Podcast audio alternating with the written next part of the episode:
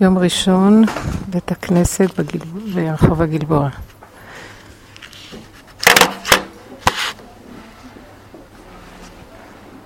אני אומרת שהעבודה שאנחנו עושים היא, היא מדהימה, אם מתמידים איתה, וזה מאוד קשה, כי זה בעצם, אנחנו בעולם, אבל העולם, במרכאות, זה המוח שלנו, זה העולם. כל אחד איך שהוא רואה את העולם, זה המוח שלו, תפיסתו. נכון שיש תפיסה קולקטיבית ואחד מושפע מהשני, אבל אני רואה ככל שאני סוגרת את המוח ולא נותנת, אז כאילו אני וחיה עם הנשימה. מה זאת אומרת סוגרת? יסוד העבודה שלנו מביא אותנו לנקודה של ככל שאת מתבוננת במציאות של העולם במרכאות, הפסיכולוגיה שלו, היא מכאיבה לך, זה מכאיב, העולם מכאיב, הוא מלא כאבים.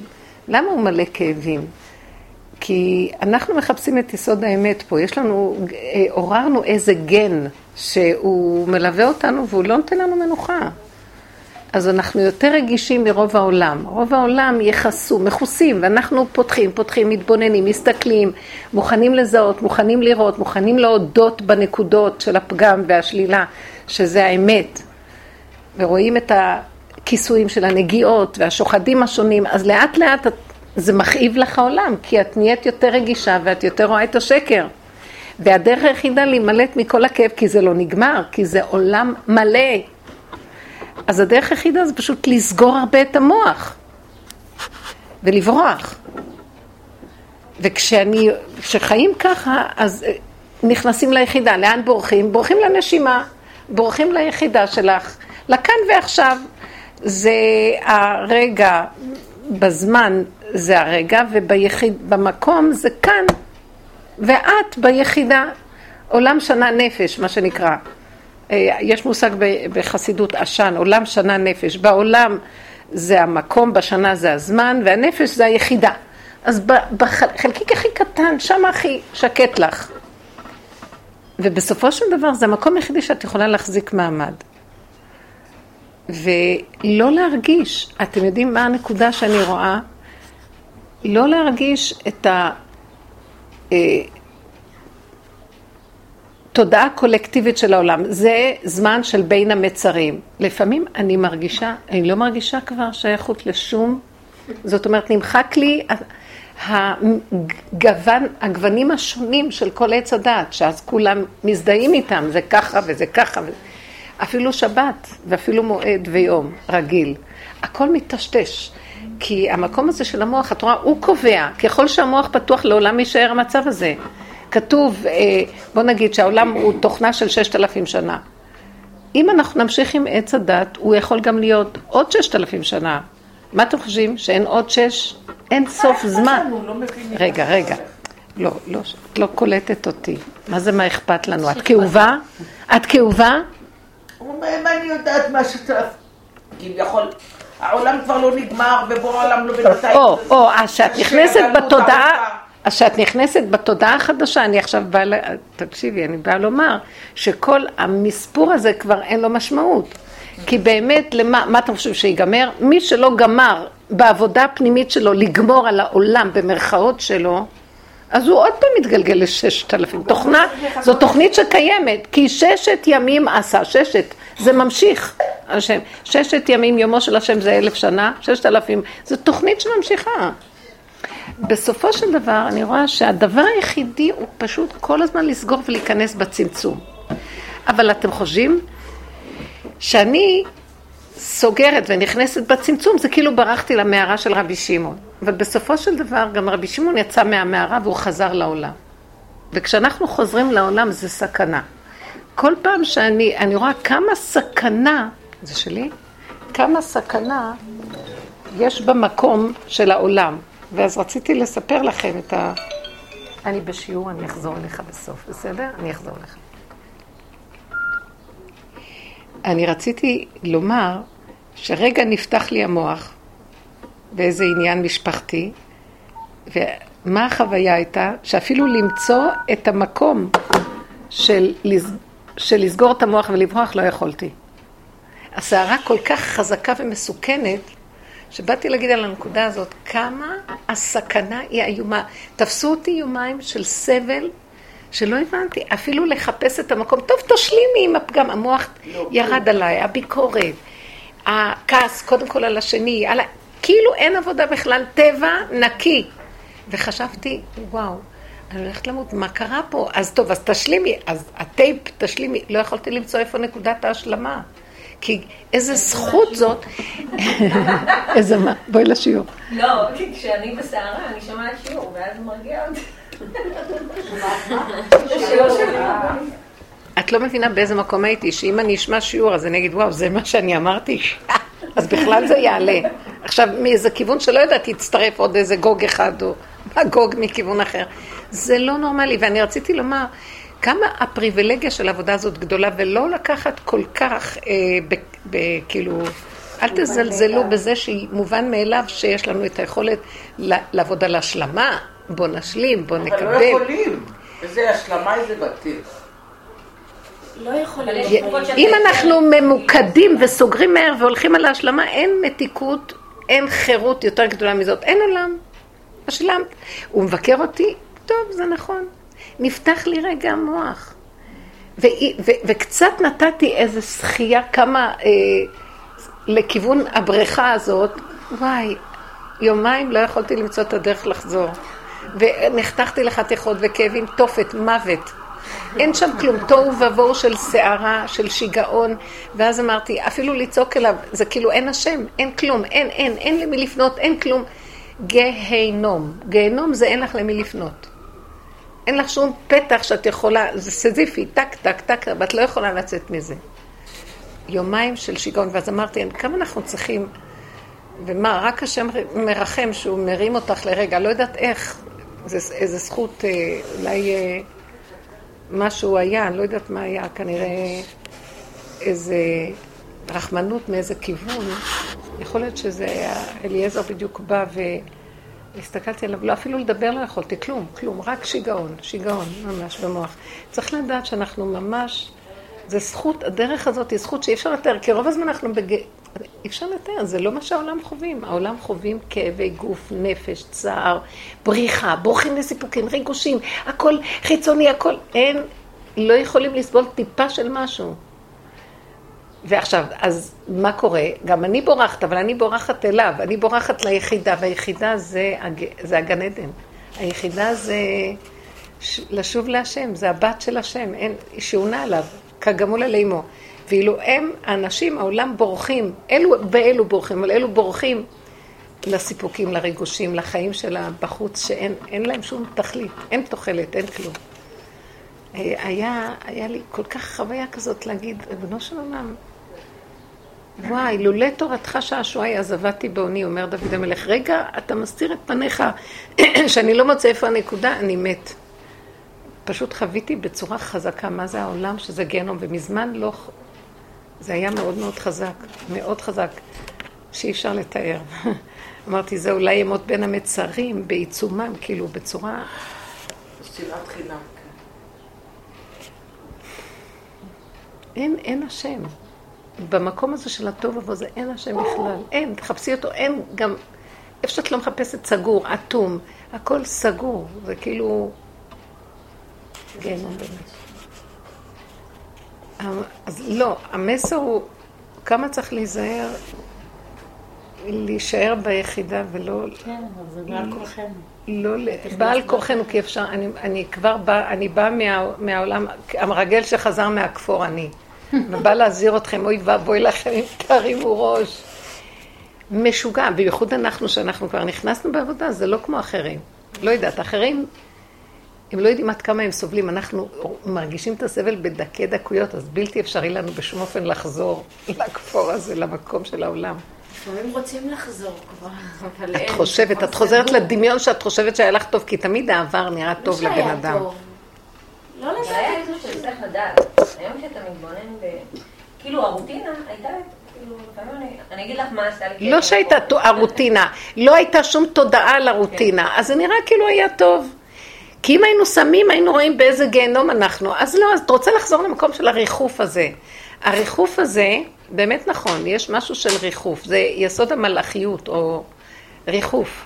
והריחוף הזה, תדעו לכם, נשמות של מלאכים מתחננות לבוא להתגלגל בכדור הארץ כדי לצאת מהריחוף, כדי להתחבר להשם, כי הריחוף לא מחובר להשם, הוא מדומיין.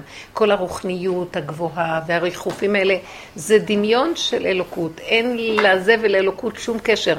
עולם המלאכים זה לא עולם אלוקי, זה עולם של בריאה, כמו שברא ציפורים, ברא עופות, ברא אה, חיות ורמסים ושקצים. אז המלאכים הם גם עולם הבריאה. המלאכים אין להם בחירה והם בריחוף, והם מדומיינים, יש דמיון, רוח, רוח. יש גם מלאכים שהם אה, נחשבים לרעים, מחשבים שמזיקים לאד... יש, יש מלאכים טובים, אבל הם רק בשליחויות. מלאך זה מלשון שליחות, שליחות, שליחויות. אין את היסוד של הבחירה, והדרגה, להגיע למדרגת האדם, צריכים לצלוח את הים של הריחוף הזה ולרדת לכדור הארץ וכאן לחוות, אז אם יורדים לפה גם הולכים לאיבוד. אז עולם המלאכים זה גם כן לא מציאות של אמת, וגם העולם הזה מלא שקרים. אז בתוך העולם הזה, אם אנחנו תופסקים שזה שקרים ונכנסים לעבודה בעמוקות הזאת, אז מתחילים להבין מה זה מדרגת האדם. האדם היא מדרגה הכי גבוהה. האדם היושב על הכיסא זה גדר אלוקי. ואילו אם היינו מחפשים את אותה נקודה בתוכנו, היינו מגלים את יסוד האלוקות בתוכנו. אבל המלאכים לא יכולים למצוא אלוקות בתוכם. הם שליחים של יסוד אלוקות, אבל הם לא אלוקות. וזה הסכנה הכי גדולה ש, של מה שנקרא עבודה זרה, לעשות ממלאכים אה, וכל הכוחות בטבע, שזה אומות העולם עושים, ואנחנו כאילו חלילה הולכים אחריהם. בזה שאנחנו אה, הולכים על החיובי ועל הרוחני. וזה ממש לא דת ישראל בכלל ולא ההשקפה של דת ישראל. אנחנו מתבלבלים מאוד היום בעולם במקום הזה. כי היסוד של להגיע למדרגה אלוקית, ויסוד מוסד של להגיע למדרגה אלוקית זה להישאר בפגם ולהודות בו ולהרגיש אותו ולא לצאת משם. להיות בנפילה ובהסכמה ובצחוק. זה מדרגת האדם, וכל השאר נשברים למה נפלנו, זה עוד מהגנים המלאכיים שיש בנו, או מהחיובי של הטבע, ולשבת בנקודה של השלילה ולא להישבר. אני ראיתי מה עברתי, גיהנום. ובסוף בסוף לא הייתה לי ברירה, אמרתי, זהו, זה, זה הגיהנום. אין. שחי ונעבור. אז אין לך איך לצאת ממנו. זה גיהנום והשלמה. גם ההשלמה הלכה לי לאיבוד, רק חוויתי את הגיהנום. זה כאילו, בהתחלה את במערבולת, ואת גם לא יודעת, הלוא במערבולת יש שכל שתסתובבי עם המערבולת, גם השכל הזה נעלם. כאילו את עושה תנועות לכל עבר משוגע, את רוצה להיחלץ במערבולת, והכל יהיה יותר גרוע. ואת לא יכולה לעשות כלום. רק פשוט, אפילו אין לך שכל להגיד, תלכי עם המערבולת. רק פשוט מרוב תשישות, נעשיתי ככה, ואיכשהו משהו קצת שביבים של משהו מוציאים אותי, אני עוד בסערה מזה, אבל אני רוצה לומר לכם, תביני פייגי מה אני מדברת, זה נשמע כאילו השקפה מה שאני מדברת, אבל חייבים לתת מדי פעם נקודות של הבנה בתוך העבודה הזאת. המסקנה היא להישאר בתוך השלילה ולגמרי לא להתנגד לה ולדעת שזה מציאותנו וזה מביא את יסוד גילוי האלוקות של האור הגנוז בתוכנו ואז אנחנו נהיים מדרגת אלוקות. כי אף פעם אנחנו לא אלוקות, אבל האלוקות מתגלה במקום שאנחנו מסכימים שאנחנו לא. עולם האצילות, הלוא יש ארבע עולמות, מה שנקרא, ביסוד הקבלה, ויש על זה עוד עולמות. עולם העשייה, עולם היצירה מלמטה, עולם הבריאה ועולם האצילות. העשייה זה הפעולה. העולם היצירה זה ההרגש והיצירתיות של הנקודה. עולם הבריאה זה עולם המחשבה, ועולם האצילות זה עולם אלוקי. הוא היחידי שנקרא העולם האלוקי. למשל, בית המקדש, קודש הקודשים של בית המקדש אצלנו, דרגתו רק בעולם הבריאה. זה כנגד קודש הקודשים של עולם הבריאה. מדרגת האצילות זה כבר אולי הקול שהיה בין הקרובים, שהקרובים הסכימו להיות מציאות, שדרכם עובר, הם כלי לגילוי אותו אור. זאת אומרת, נמצא שהאצילות זה מלשון אצלו, שהיא הסכימה להיות, הוא מאציל את עצמו בתוכה, אבל אין לה מצד עצמה, חלילה זה לא עולם אלוקי. עד כדי כך שגם עולם כזה גבוה לא לקרוא לו אלוקות. לא כל שכן כל עולם הטבע בכלל אין בו. כולם קשקשים אלוקות והשם והשם והשם. אין לנו בכלל קשר עם ה... הכל זה שכל ותוואים של בני אדם בדרגות שונות. מדי פעם מבצבץ רוח של קדושה, גם יש דרגות של רוח הקודש מכל עולם ועולם. עולם האצילות זה גילוי האלוקות. אתם יודעים, יש רוח הקודש מעולם הבריאה. אבל גילוי אלוקות יכול להיות רק מעולם האצילות, וגילוי אלוקות זה לא אפילו המקום של רוח הקודש, זה גילוי אלוקות. זו דרגה הכי גבוהה, אתם מבינים מה אני מדברת? זה לא, זה אפילו לא רוח הקודש, זה גילוי אלוקות, זה בהמות עמך. זאת אומרת, תקשיבי, טוב טוב. זאת אומרת, את מוותרת שיהיה לך שום הרגש, שום הבנה, שום ידיעה, שום תחושה אלוקית, כלום. גולם, בהמה, שם השם נוחת עלייך. מי מוכן להגיע למקום הזה? אנחנו מלאי, מלאי דעת, מלאים הרגשים, מלאים אה, אה, ציפייה כבר לגילוי. לא יכול להיות שם אלוקות. הוא הביא אותי לחושך כזה שראיתי, אין לי ברירה רק, אפילו בסוף גם הברירה להסכים לא הייתה לי, כי גם זה פריבילגיה, כי זה נותן מנוחה בנפש. גם זה לא היה. בסוף מרוב תשישות, איכשהו, לא יודעת, בא איזה גל והעביר אותי למקום אחר, אני לא יודעת איך. כלום, אין לך שם כלום, כלום, כלום, כלום. אתם מבינים? בשלב הבא זה כאילו התחושה של אין לך, חבל לך על הזמן לא לרצות. זה משהו שעם הילדים, כאילו, דבר כזה קטן, שהם, כאילו, תכ... לא תכנע, אני גם מאוד נזהרת לא לעשות תוכניות לבין הזמנים ולא כלום, כי אני כל כך נזהרת מה... אבל באיזשהו מקום, משהו קטן נפתח, ש... ש... שמישהי אה, סידרה לי איזה שני צימרים, אפילו בחינם, תמורת שיעורים וזה. וחשבתי על זה נחמד, יש אה, כמה ימים, זה יתאים לכולם. לה שתסדר לי גם. חמודה. אז, אז, אז זה אומר, ככה זה אומר, ככה זה לא יכול, ככה זה, זה פתאום קפץ ואמר, אנחנו נוסעים לשבועיים עם משבר וזה, וואי, חטפתי כזה כאבים.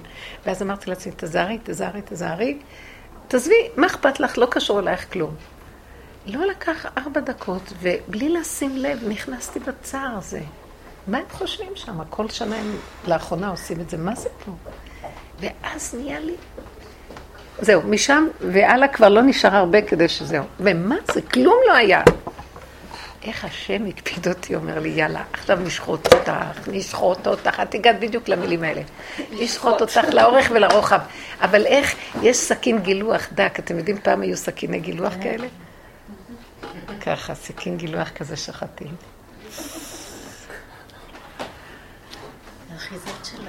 אה? ואז אמרתי, איך, איך, למה לי? אני חושבת שהאחיזה האימהית זה הדבר האחרון שעוד נשאר, שהוא הכי הכי קשה לפרק אותו, כי אנחנו בתור נשים יש לנו את האימא, ה' הראשונה בשם הוויה, ואת הבת, היחידה. היחידה היא, היא שעכשיו השכינה שקמה מהאדמה, מהגלות, שכל השנים הייתה דעוכה בפנים, בכלל לא שמנו לב ליחידה. וה, והאימא זה היה תפקיד חשוב שניתן בגלות, הבינה, מידת הבינה, ו, והאימא היהודייה, היה לה מקום, כן, ניתן לה רשות בקודש, למקום הזה, לארגן את המשפחה, זה הקודש מה שהחזיק את הגלות, ועכשיו את זה צריך לשחוט. אבל זה השחיטה, את שוחטת הרבה דברים. את הזוגיות, את החברות, את הממון שהוא שחיטה לא קלה, אבל האימהות, את לא יודעת מה זה, זה שתדעי בעזרת השם. ובעזרת השם שלא תצטרכי. חרודה. אבל באמת האימהות זה לא ללכת לצימרים. חכי, חכי. מה? אימהות לא קשורה בללכת לצימרים. זה איזו אימהות שהתפתחה... זה לא קשור אפילו לא לצימר לכלום. זו הייתה סיבה קטנה. מה? כאילו האימא ההיא תיקח את, את התפקיד של האימא פה, יש אימא לכל משפחה, לא, כשהם מתחתנים זה הופך להיות האיסורים הכי גדולים. מילא שהם קטנים יש איסורים, כשהם בינוניים יש איסורים. כשמתחתנים מוסיפים עכשיו עוד משפחה עלייך שמייסרת אותך. אתם לא שמים לב לדבר הזה בכלל. את כבר, זה לא רק הילד שלך, הוא משותף כבר לעוד משהו, שתלוי במשפחתיות השנייה, אם הם הגונים או מה, הם פראים או מה, בטבע הכי חזק. בייחוד עבודות שלנו, שיש... אה, מאוד הייתי רוצה בזמנו רק להתחתן עם חבר'ה של רב אושר. אז הצילו איזה שידוך אחד, ואמרתי לו, מרב אושר, שידוך אחד כן עשינו, אבל אחד ש... אחר כך אמרתי, למה לא התחתנו איתם? חבל, לפחות הם היו מבינים אותי, וקצת היה איזה... אבל גם ראיתי שזה לא קשור לכלום. כי זה כאבים וזהו. גם אלה שהם, גם אלה היו, אצל רב אושר היו מתחתנים והיו שם כאבי תופת. משפחות שהתחתנו אחד עם השני והיו כאבי... אבל האחיזה של זה, אז בכל אופן כל הזמן להסתכל על האחיזות. זה המקום הזה. לא, נראה לי שכבר צריך אה, לשחרר. איזה... מה נעשה? מה נעשה? את לא יכולה לברוח מזה, התפקיד הוא תפקיד. הוא מתקטן והולך, אבל טיפה, עכשיו זה כבר לא מדובר על הרבה, הרמתי ראש לכמה דקות, כמעט שלא פרחה נשמתי, ליומיים. יומיים שראיתי חושך, ענן וערפל, ואין לך נשימה, וכבד תופת, אין השם בכלל, דרך אגב. נגמרה שם, אין עבודה גם, אין, את לא מוצאת חוט, קצה חוט לעבודה, כלום. הוא משאיר אותך לבד בלי כלום, לקח לך את הכל, לא ספרים, לא, כלום, כלום, כלום. עב"ם, איזה מין כדור שמטלטלים אותו לפה, כף הקלע, ולפה, ולכאן, ולכאן, ואין כלום שאפשר לצאת ממנו. מה עם המחשבות? המחשבות, כן. זה המחשבות עושות את הכאבים, ברור. הסתכלתי ואמרתי, זה כלום, כאילו, אבל המחשבות שיגעו. ובדרך כלל יש לי מקום של שליטה, לסגור וללכת. לא, לא עזר שום דבר. אבל בתוהו ובוהו הזה אין השם, אין השם לגמרי. אין השם. אין השם. זה מה שנקרא, והארץ הייתה תוהה ובוהה. איפה יש כאן השם? אין השם. אז זאת אומרת, היא יחידה בעולמה כשאין לה לאן ללכת, והמערך של המציאות מטלטלת אותה, ואין לה פתח מילוט בשום צורה. איזה ייסורים זה. זה עולם הגיהנום, זה כף הקלע. זה הגיהנום. כף הקלע והגיהנום ממש. ראיתי, חוויתי את הנשמות בגיהנום, איזה סבל זה, ואין להם, וגם המימד של הזמן נעלם, והמקום נעלם, ואת לא יודעת מתי ייגמר, ואת לא יודעת כלום. זה לא עוד מעט זה יעבור, אין זמן, אין מימד של זמן. זה קשה מאוד. וואי, אמרתי, למה, למה הייתי צריכה לעבור את זה? אני חושבת כולנו עוברים את זה. כל- בטח. רוב הבני אדם חיים שם, אבל הם מכסים בכל מיני דברים לברוח מהמצב. ו- וכאילו פה הוא לא נתן לי לברוח למערה של רבי שמעון, והוא השאיר אותי שם בלי שום פתח מילוט לשום כיוון, בלי, מחק את כל התוכנה של, של העבודה, הכל מחוק. תחווי את המקום הזה. זה יכול להיות, זה המקום של התשעה באב, זאת אומרת שהם חפרו בורות וקברו את עצמם שם, כי לא היה להם שום פתח מילוט לכיוון אחר. גם המוות הוא פתרון, ואין מוות שם גם. אין מוות גם. זה כאילו, זה דמיון שאנחנו אומרים, טוב, אז בוא נתאבד או נמות, כי אין, כי זה ממשיך, זה לא יעזור. אז מה המסקנה? אני יודעת שאני גרמתי את זה, ברגע שפתחתי קצת יותר מדי. כמה, בייחוד אלה שבעבודה, הסכנה היא מאוד גדולה. אז מה בעצם פתח? הרשיתי לעצמי לשאול שאלות, מה קורה פה? מה, כאילו אני במיטבי. אנחנו- אותם או אותך, את עצמך? את עצמי עליהם. מה זה חשוב? לא אבל דיברתי איתם איתם. לא דיברת כלום. אני לא במקום הזה, בנות. אנחנו לא מדברים בכלל לה- להגיד מישהו. הפחד שם כבר... לא, לא, בנות, זה אני לא יוצאת על מי... השתגעתם? זה ביני לביני נטו. כשהם אמרו לך שהם הולכים עם משבר, שתקת? בטח.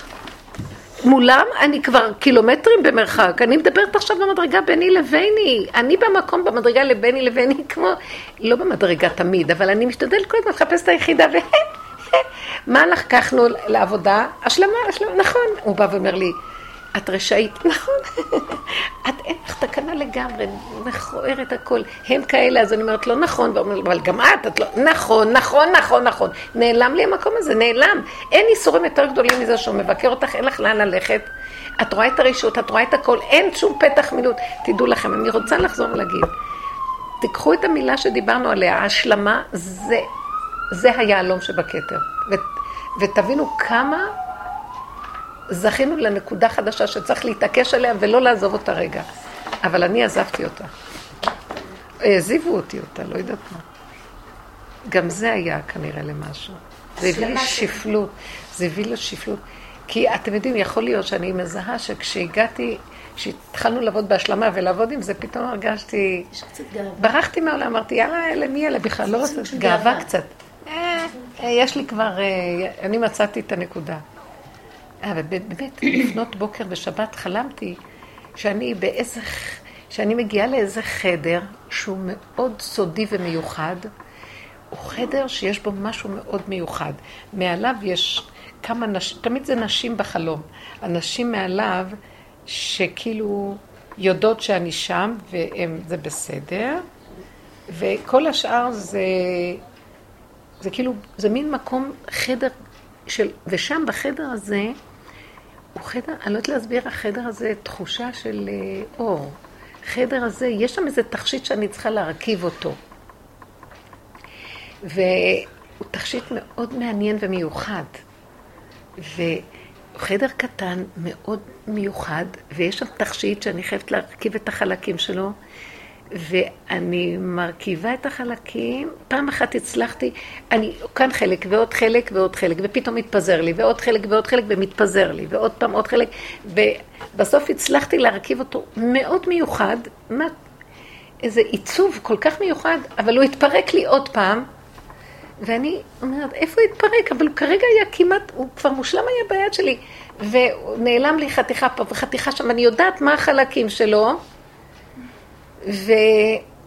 וכבר בינתיים מישהו נכנס לחדר ועוברות ככה, מתחילות לעבור, אה, עוברות שתי בנות אה, ואומרות, לא זוכרת עכשיו מה זה שהן כאילו מבקרות אותי, אה, אבל מה זה החדר הזה? מה זה המקום הזה? זה, זה, זה כמו עבודה זרה, כזה, כזה מין דיבור כזה. ואחר כך עוברים איזה שני פועלים ואומרים, שבאים לנקות שם משהו, ומפריעים לי בעבודה, למצוא את החלקים ולא נותנים יחס לכלום. והתעוררתי, ועוד כמה אנשים שמסביב כאילו מבקרים את כל הסיפור הזה. והתעוררתי עם תחושה של אה, וואו, אז לעולם אני לא יכולה להרכיב את זה? זה... כאילו, אני לא מצליחה ל... כי אז תהיה לך אחיזה. איך? פשוט תאחזי בזה. בדיוק. אני כבר הרכבתי אותו פעם, וזה תכשיט מיוחד. ראיתי את העיצוב שלו, עד עכשיו עומד לי מול העיניים, חלקים מאוד מעניינים, ו... והחדר הזה נראה חדר של אור מיוחד, חדש, אבל אלה שאמרו, מה זה, זה, זה, זה עבודה זרה, זה, זה גדר, זה כאילו, מה זה, זה... את אמרת כל הזמן בשיעורים שלי, זה הרי מעבודה זרה, וזה כמו עבודה זרה, משהו כזה. ו... והסתכלתי ואמרתי, וואו, ואז פתאום הרגשתי שהדרך שלנו, האור הגנוז, יש לה קו דק דק דק בינה לבין עבודה זרה. נכון. זה כזה קו דק דק דק, הם לא הבחינו בדקות. עכשיו, מהי העבודה הזרה שנעשית כאן? ואת, אם אני הצלחתי במשהו ואני, אה, הצלחתי באור הגנוז, זו הסכנה הכי גדולה, כי זה, זה בכלל אין הדעת, אבל כי אור הגנוז יכול להתגלות שאף פעם את לא מצליחה כלום. ואת משלימה, וזה ככה זה וזהו זה, ומקבל את הכל. התעוררתי עם עוד כאבים, למה לא הצלחתי לחבר את ה... אני רוצה לחבר, הטבע באדם הוא רוצה שליטה, רוצה שלמות. והחיסרון זה המדרגה הכי גבוהה אם אדם יכול להסכים להיות שם. אז בואו נדבר על הנקודה הזאת. יכול להיות שזה היה הכאבים שהתעוררו לי, שהרגשתי שיש לי שליטה על השלמה. קיבלנו עבודה לאחרונה של השלמה, נתנו לנו משמיים, הורידו את האור הזה של להשלים, להשלים, להשלים, היחידה, ההוויה, כאן ועכשיו, איך שהכל ככה זה בסדר גמור. לא לבקר את עצמנו בכלל, לא את השני, לא כל שכן, זה כבר פסה. אבל גם את עצמנו לא, ואיך שאנחנו, כי אנחנו תקועים. זה הנדבך הכי קרוב להשלמה עם הנפילה והסכמה שאיך שאנחנו. ושם אלוקות, ההוויה מתגלה שם. אז כאילו קיבלנו את הנדבך האחרון של העבודה. ומשם הרמתי ראש, שיש לי עכשיו, יש לי... וזה המכה כנראה ששם, זה גם התכשיט אולי, זה המקום של... אה, התכשיט הזה של ההשלמה הוא באמת, זה הרכבה הייתה, זה תכשיט מורכב מזה ומזה ומזה ומזה, והוא כל הזמן מתפרק. ואני צריכה, וזה חדר קטן, מואר כזה, עם ריכוז, חדר מתוק, זה אי אפשר לתאר, זה כמו, זה אולי הקודש הקודשים כזה, משהו כזה, וצריך להרכיב שם משהו, והוא מתפרק לי, מתפרק לי, מתפרק לי, וכשקמתי הרגשתי צער, למה הוא מתפרק לי, ואני לא מצליחה לחבר את זה, וזה השקר, שאני צריכה להצליח, והצער שיש לי, למה יש לי צער שאני לא מחברת? לעולם אי אפשר. בסיפורים של רבי נחמן, כאילו, הוא מחפש את הבת מלך. והוא לא מצליח אף פעם למצוא אותה. ועוברים עליו שנים והוא נופל בשינה, והוא עובר שם, והיא נמצאת במבצר של יהלומים, ומכאן לכאן מנסים להוביל אותו לשם. וכתוב בסוף, ולא, ו, והוציא, ולא כתוב איך הוציא אותה, והוציא אותה ולא כתוב איך הוציא אותה. היא יצאה לבד, אף אחד לא יכול להוציא אותה. כשהוא מתייאש ועוזב את הכל, היא מתגלה לידו פתאום והיא באה. אנחנו כן צריכים את המאמץ הזה לעשות, אבל ההשלמה של ההשלמה של ההשלמה. וביום חמישי היה לי שיעור והייתי בחושך נורא. ומישהי אה, מה, מהשיעור, שהיא תפסה את הנקודה של ההשלמה, מדהים. ואז אמרתי, ואז אמרת לי, אבל השלמה, השלמה, השלמה. אז פתאום רציתי להרוג אותה, שלמה, או מקנאה, או מ... ופתאום ראיתי, למה, איך היא תפסה כל כך מהר את ההשלמה? כי ראיתי שהיא, בטבעה, יש לה אוטיזם מסוים. זה מאוד הרגיע אותי שקבעתי שיש לה אוטיזם מסוים. שהיא, אה, יש לה איזה ניתוק מסוים רגשי. ואז כשדיברנו על ההשלמה והיחידה, היא הכי חזרה לעצמה פתאום, בשמחה הכי גדולה שיש בעולם. וזה באמת נכון, אנחנו, לכולנו יש את האוטיזם הזה, ואצלה זה, הדרך הייתה נורא קצרה.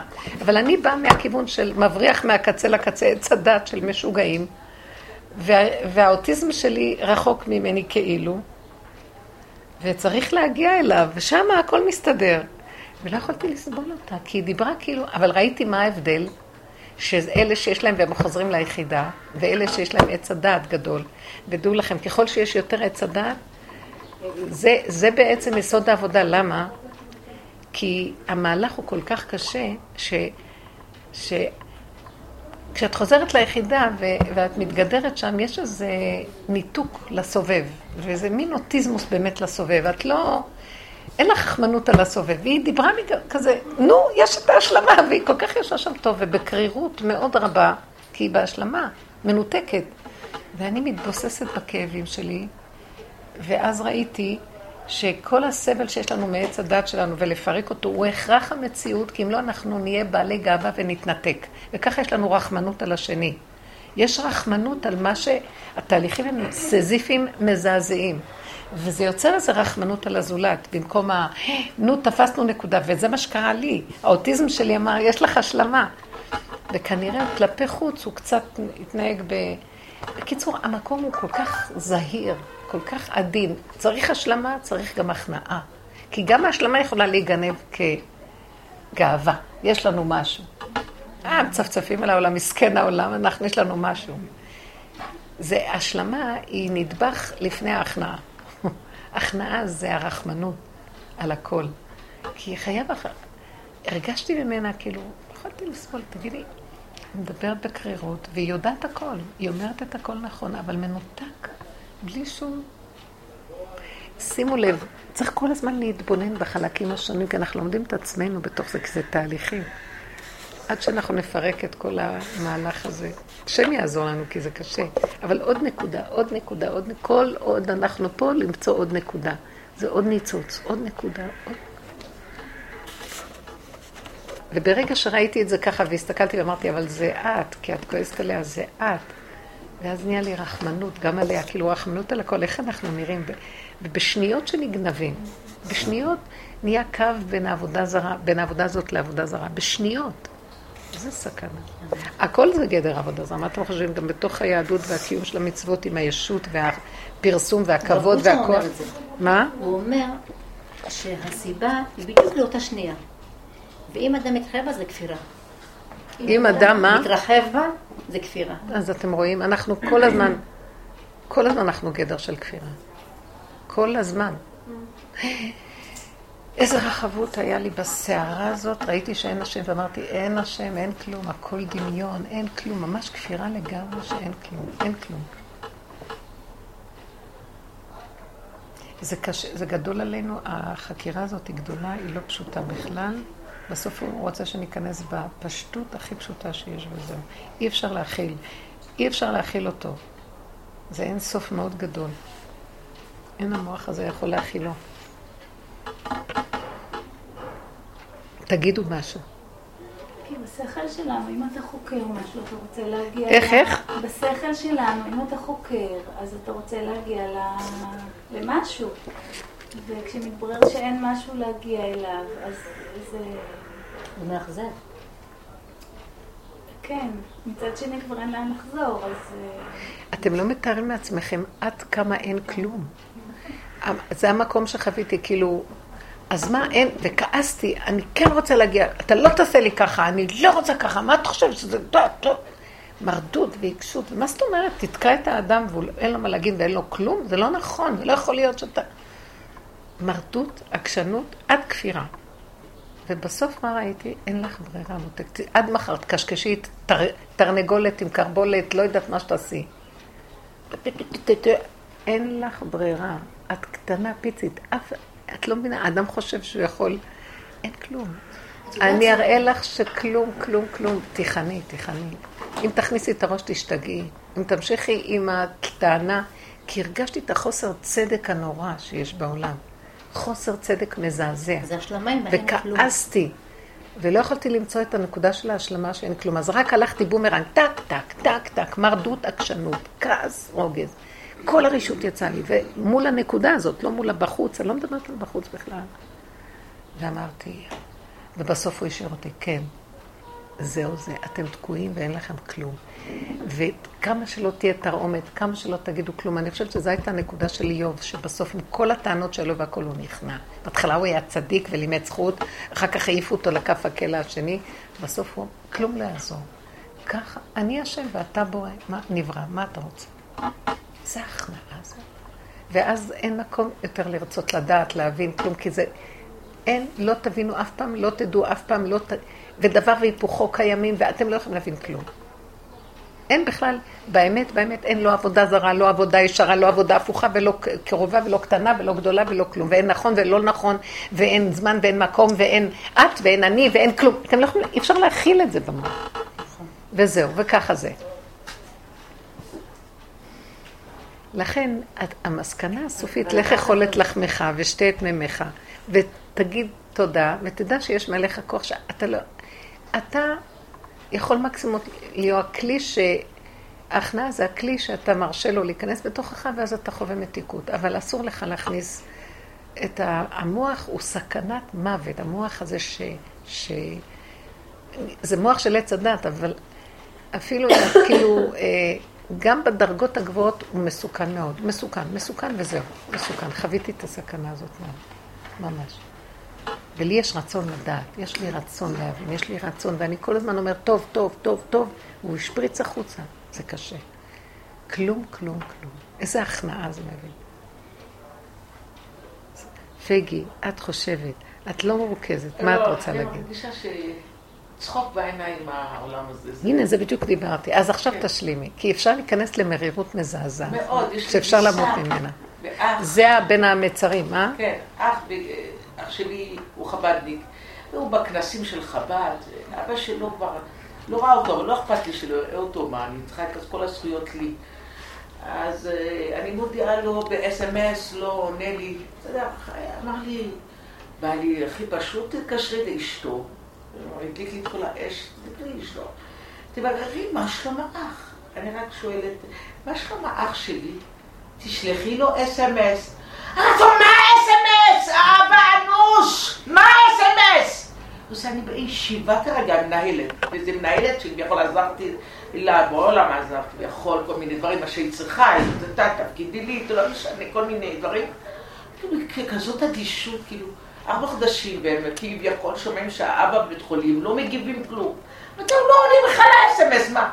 וסגרתי את הטלפון, ומה שהזיז אותם, הם באו באמת לבקר. יופי, אז הנה השגת תוצאה. אה, איזה הצלחתי. סכנה אם תפתחי את המוח, תמותי, תמות. למה לא? נורא אמרתי, מה? את מפחדת כל הזמן. אמרתי, בשביל מה התקשרתי אליה בכלל? ארבע חודשים לא שאלו לא, התקשרת כדי שהם. תפסו את השערה ובאו. אחרת לא היה- לא היו באים. עכשיו אל תתרחבי איתם. זה אבא שלך, כאילו, ביקש ממך, הנשמה, כאילו, אה, רוצה כן, שהילדים לא יבואו. הבנתי את עצמי, למה אני מתקשרת? כן. כי לא לא, אכפת זה לי ב- מהאח הזה, זה שילכו. לעזאזל. לא, במצב שצריכים. שכולם ידעו. כן. כי את מבינה, זה מה שמעניין אותי, מה הבילויים שלי, מה הפרפר, לאן רוצה ללכת. ואני משתגעת שאני לא יכולה ללכת, כי אני דואגת מהאבא. זה מותק, תראי איך קבלו אותנו. היא מצידה ביחידה רוצה ל... אבל מה, יש לה כן, תפקיד כבת. הבנות נאמנות, הבח- הגברים בורחים, לא ממש, שימותו זה- ולא, זה לא קשור. הבנות נאמנות להורים הרבה יותר. אני מדברת אימא של שישה בנים. מאיפה, מי מי ידאג? בנות, רק אתם תדאגו לקבורה שלי אחרי 120. אחרי 400 שנה, מה חשבתם? לא, אני ראיתי שכאן כל קבר עולה יקר, אמרתי, אני עולה בגוף לשמיים, לא צריך, אני- אתן פטורות מה... אתן פטורות מהדאגה לקברים ולכלום. ממש, אפילו למות. לא, אני רואה איך שהם בונים שם את התאים האלה, השם ירחם. מה זה. הזה? אי אפשר גם שאנשים ייכנסו לבקר את יקיריהם, איך הם נכנסים? אין להם מקום לעמוד, אין כלום. די, נגמר, תחיית המתים, לא? אמן. כל אחד יקום מהתא שלו ויגיד, היי, אתה מה, מה אתה, דרכת לי על התא שלי. יריבו גם על התאים, מה את חושבת? יאללה. איזה מצחיק זה, מה זה מגעיל? מה? בסוף מתים, מה? מי, מי זוכר משהו? כי אין במוות זכרך בשאול מי יודה לך. איזה מצחיק, כן. הנקודה בין האוטיזם לרחמים. במשפחה המורחבת מאוד מאוד כועסים עליי על האוטיזם הזה. חושבים שלך SMS יש? לא, אס.אם.אס ב-12 בלילה, את ערה? אל אני בדרך תצא לישון, שם. אני בקריית שמע, אני לא מגיבה. אל תגיבי, אז מה, הם קוראים לזה אוטיזם? בטח כועסים עליי? ליאורה צריכים לקבוע איתו פגישה. היא יועצת. מאז שאני שומעת את השיעורים של הרבנית פישר, לא אכפת לה מאף אחד, כאלה משפטים איזה. מותק. אני עם הסלים, עם תפוחי אדמה בצל לשבת, יפס, נעלמתי משם. נכון, זה קורה לנו. באמת, זה הגנה עצמית, ליאורה, אני כי אנחנו איתך, מוכים. אני רוצה לדבר, כאילו הם אה, מחזרים אחריי, ואני לא רוצה, והכל התערבבות, זה חמישה אחים בתוך יישוב קטן. וואי. איזה רק מותק, ואני כל הזמן בוכה למה אין לי אחים. לידי. אל תבקשי, אל תבקשי. כולם. בוכים על מה שאין להם.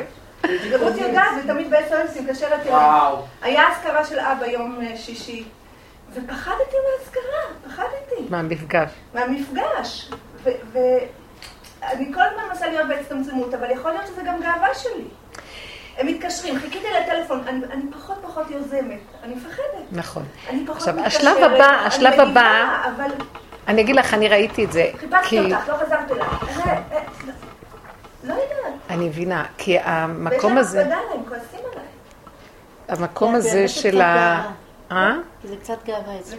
לא, לא, רגע, רגע, לפני שדנים אותך, רגע, לא. תקשיבו, בואו נלך אני בתהליכים מפחדת הנכונים. מהיום שאני אפתח אליהם את הפה. אני בדיוק. לא, לא, היא. בסדר גמור. אני אהרוג אותם. יש לי כל כך הרבה ביקורת בלב שאני רק זועקת לקדוש ברוך הוא שיציל אותי מהביקורת של עצמי, עליי ועליהם. בדיוק, אז הנקודה היא להבין שכל המהלך שלנו שאנחנו פה במציאות הזאת, זה תעלי את זה להשם ותגידי לו, בין העבודה הזאת שזה היחידה, למצוא אותך, כי אתה ביחידה, אתה בקטן, שם מוצאים אותו, מקים את השכינה שלנו משם, מלמטה, בקטנה. לבין העולם שהוא בדיוק הפוך והוא כל כך רחוק וגדול, אנטיתזה של היחידה, אני לא יכולה לגשר. אתה משר, מושך אותנו מהבחוץ כדי שנכיר אותך. משכני אחריך נרוץ האביאני המלך חדריו. רק דרך זה הוא חודר אלינו ואנחנו מתחברים. אבל אנחנו מפנים גב לעולם, כביכול. זה, זה שתי דברים שונים, שני כיוונים שונים. רק אתה יכול לגשר, ואצלנו בעולם החרדי זה מאוד קשה הדבר הזה. העולם, הטבע החרדי חזק מאוד בממסדיות שלו, בהנהגות שלו, בכללים שלו, בזה, מנהגים וכן הלאה. המקום הזה, איך לגשר את היחידה בין זה לזה? גם אני, תהליך של ניתוק. אני עוברת ניתוק, הייתה תקופה, ניתוק מהילדים, ניתוק מזה, וכשהם באים לשבתות, זה משחק, ולא יכולתי להכיל את המשחק הזה. והייתי צועקת עליו, אתה חייב להתגלות, זה, זה לא פייר מה שאתה עושה, אתה מושך אותנו לכאן. החלק הזה מנותק מהחלק הזה, כאילו נראה, היחידה והכלל לא עובדים. רק אתה יכול לחבר בין ההפכים האלה. אתה מושך אותי, אני אתנתק. אני כבר לא מסוגלת לשחק אותה, שני מהלכים. תגידי לו את זה. את צריכה להישאר שכל המהלכים האלה שיש לך בפנים זה להעביר אליו, והוא יכול לשלוח סיבות לחבר, למשל, שהם לא ירדפו אחריך, ופתאום לא יהיה שום דבר בליבם עלייך. ואו שאת תרימי את הטלפון ולא יהיה לך שום מאמץ של משחק וכעס. הוא יכול להרים מציאויות בתוך כל ה... כי עץ הדת שלנו מפרש את זה ככה, אם אני רק אענה להם, אני אהרוג אותם. אם אני רק זה, אני אוציא עליהם את כל מה שיש לי, וזה נכון, אבל זה הטבע. אם משתפים את השם בתוך זה, ת, תתוודי את כל המציאות הזאת להשם. תגידי לו, אז בסדר, לא אכפת לי לברוח למערה, אבל אתה רוצה גם שנהיה בעולם, לא? לא, וזה הרדיפה של הדבר הכי קשה בעולם. אני מכירה את זה מקרוב. בעלייה לקבר, אחות אומרת. האחות הזו לא מרגישה טוב, מה את אומרת? כל אחד ייקח ילד לשבת. אמרתי לה, אה, לא עניתי. אחר כך כשיצאנו מהבית קברות, אמרו לי, אורה, מה את אומרת על הרעיון שלי? בואי נחכה. אבל היא לא נכנעת גם כן. למה נחכה? למה נחכה? אמרתי לה, נחכה, אם צריך, תשלחי את אחד הילדים. ואני יודעת בתוכי... אז אתם לא זוכרות. שדיברנו על כך, כשאנחנו הולכות למערה, ברחנו למערה של רבי שמעון, נהיים ביחידה אבל אכזריים לעולם. זה בדיוק מה שעכשיו זיהיתי אצל ההיא. אנחנו בעצם כמו עמלק ברמה מסוימת, שהוא יושב לו על איזה הר גבוה והוא בעצם לא בעולם. הוא ביחידה, אבל בלי קשר, הוא לא מביא את השם לעולם. אז השלב הראשוני, מאחר ובעולם אין השם, כאילו אין קשר אמיתי של אמת, אז אנחנו הולכים לחפש איפה האמת. אבל אם האמת תיתן אמת ליעקב, חסד לאברהם. אם האמת לא משתתפת עם החסד, זה תיתן אמת ליעקב, לא אמת. כי יש גם אמת סתם. אמת היא מידת הדין גדולה מאוד והיא קשה, היא אכזרית. אליהו הנביא היה בחינה, אנחנו בפרשיות של פנחס, אליהו הנביא היה בחינה של אמת. ואמת קשה ואכזרית. הוא לא היה יכול לעמוד מול העולם. היה איזה אוטיזם בתוך הנקודה הזאת. זה בתוך עצמו, עם השליחות שלו, הוא מאוד היה נאמן לשליחות, והוא הלך בלא... אבל אומרים שיעקב משלב את החסד והגבורה. יעקב, כן, כן, אבל אני מדברת על. עכשיו לא על... אני מדברת, אה, זה מה שאמרתי, תיתן אמת ליעקב, חסד לאברהם. הוא שיתף את הקו של אברהם אבינו בתוך מציאות האמת שלו, כי היה לו בגנים את זה, במקום על יצחק ללכת. נכון. כן? ואילו אליהו הנביא מסמל את יצחק, פנחס, כל המהלך הזה, והשם לא יכול היה להסכים לזה, והוא כעס על השם.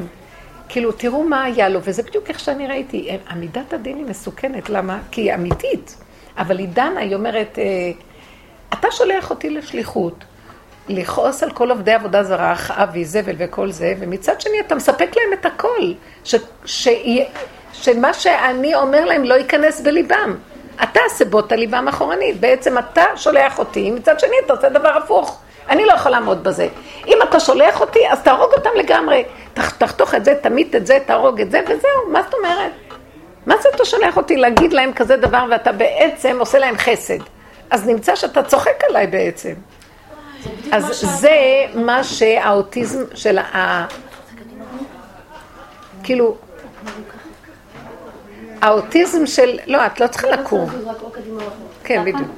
לא, את צריכה לזוז למקום אחר. את לא תקימי אף אחד, תזוזי את ל... ל- זזה קדימה ואחורה. אז תזיזי לכיסא הבא, לא יהיה לך את הבעיה הזאת.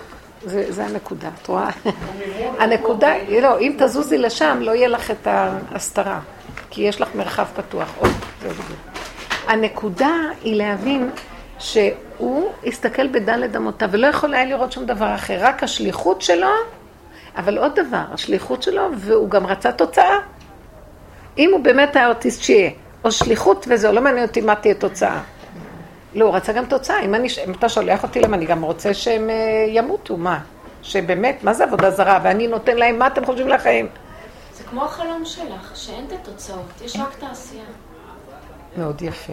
אז הנקודה היא, בעבודה היא, אז אני בחדר הזה, ויש שם הערה, ויש לי איזו מטלה מסוימת להרכיב, אבל זה המטלה, תוצאה לא, וגנוב לנו שאנחנו רוצים עוד נקודה. ואם לא, אנחנו מקטרגים, וזה מידת הדין, יפה מאוד. אז כאילו, השלמה שזה, איך שהתוצאה הסופית, ככה, ככה זה.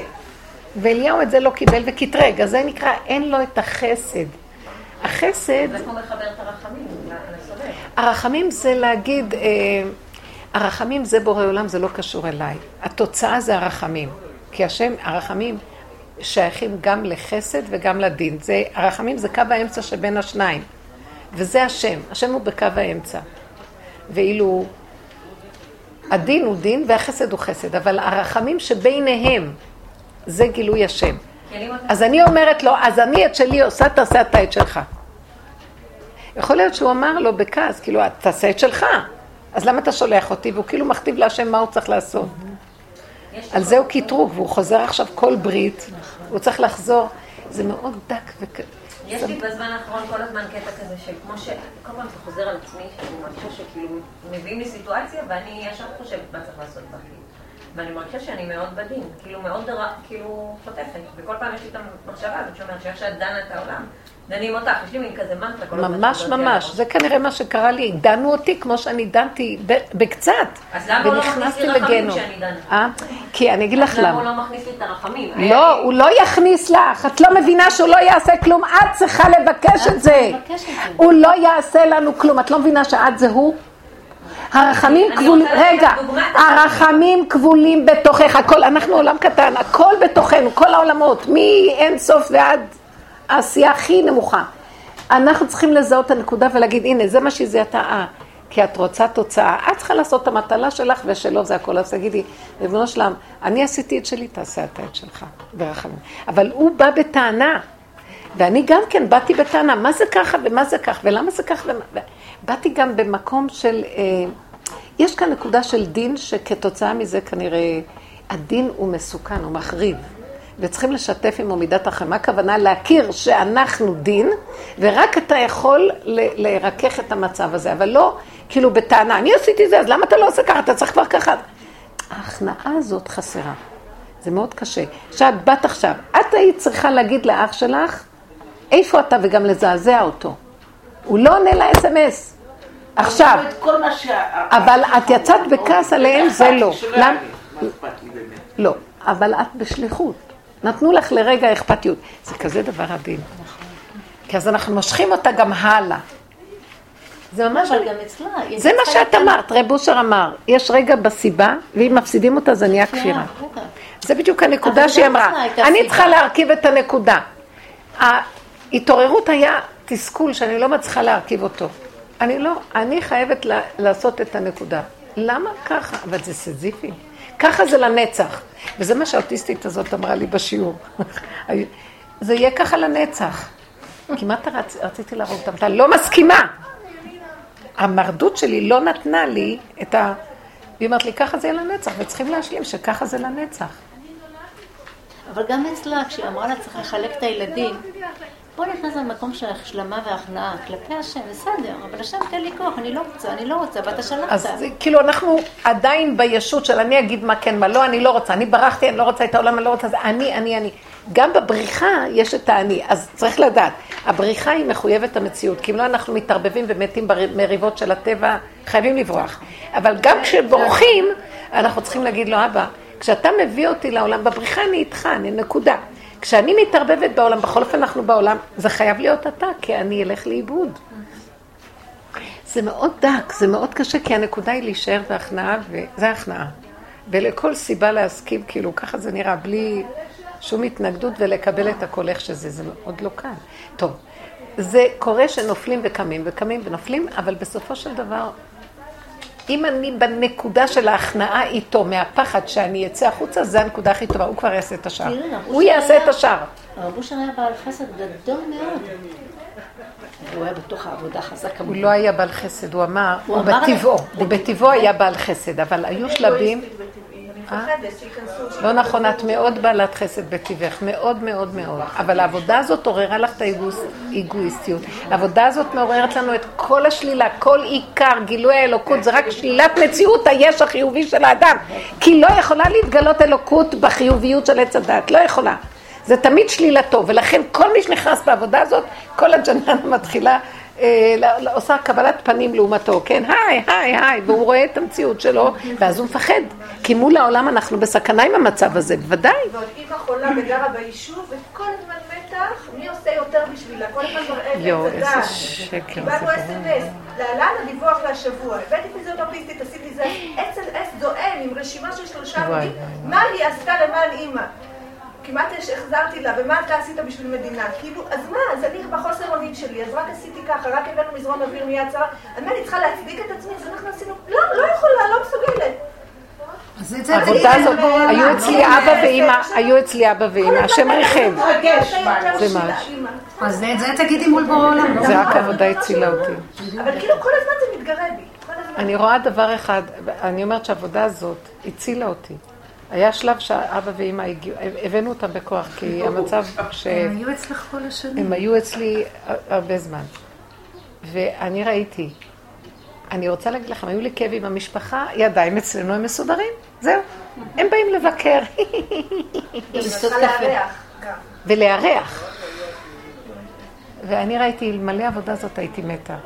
כאילו ראיתי, רק העבודה הזאת הצילה אותי לסגור את המוח, ואם הם פה, כרגע הם פה, ואני עושה, זה הזכות שלי, לא יודעת איך, גם לא מהחיוביות של עץ הדת, זה פשוט מהסכנה. ולא פעם הרשות שלי יצאה להורים שלי. כי הייתי בתסכול. אנחנו בני אדם, זה יוצא. אבל אז ראיתי, אז עכשיו אני צריכה לעשות תשובה על תשובה על תשובה על תשובה. כל הזמן זה עבודה בינינו ובין עצמנו, אין עולם בכלל. בסופו של דבר תעשי בלי שום תמורה. מה זאת אומרת תמורה? הייתה תמורה מסוימת, כן, בסוף, אבל הנקודה היא בלי טענה, זאת המילה. בלי תרעומת ובלי טענה. וזה, העבודה רק הזאת יכולה להציל אותך. כי את חיה רק עם הרשות שלך כל הזמן, אז התרעומת, אין לך זמן להפנות אותה לאף אחד, כי את רואה את ריש, שאת עושה מתוך רישות, שכל מה שאת לא עושה, את לא עושה כלום. שזה כל היום, זה מה שיציל אותך. אל תסתכלי על אף אחד. וואי, זה, זה אי אפשר... אני רואה שהשם מרחם עליי, גם אחרי שהם כועסים עליי, למחרת כאילו אין כלום. בדיוק. לא. אם את תופסת את הנקודה. כי באמת זה סתם דמיון. הבני אדם לוקחים את הנקודה ומרחיבים אותה. אם רגע חוזרים לנקודה, זה הדבר הזה. נקודה של סיבה, נגמר. אני מרחיבה אותה, הלך לאיבוד הכל. כולם סוערים. ובטבע אוהבים לספר סיפורים. המוח מספר לנו סיפורים ונעשה מזה עניינים, ויש ריגושים וסיפוקים. מה יחיו הבני אדם? שמעת מה שהיא עשתה לאימא, ומה הוא עשה לזה, ולמה לא ככה? ואז יושבים ודנים ונעשים, נהיה חיים.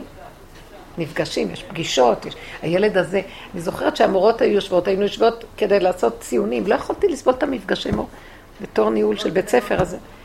זה היה מסיבות של רכילות ולשון הרע לבנות. אני לא יכולתי, זה היה משוגע, לא רציתי להשתתף. אמרתי, לא, כביכול מותר. אה, כביכול כן, מותר, כי. אנחנו כותבים עליהם וזה וזה, והיא עשתה ככה, וזה היה נורא.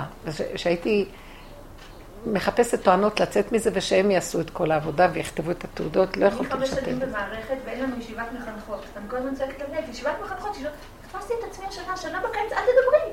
אין ישיבת מחנכות יותר טוב. יותר כל אחד טוב. שלך, כל אחד מול הכיתה שלך. הרבה דברים, הרבה חטא. שקט. שקט. אל ת... כאילו, במקצועיות זה פשע שאין ישיבת מחנכות.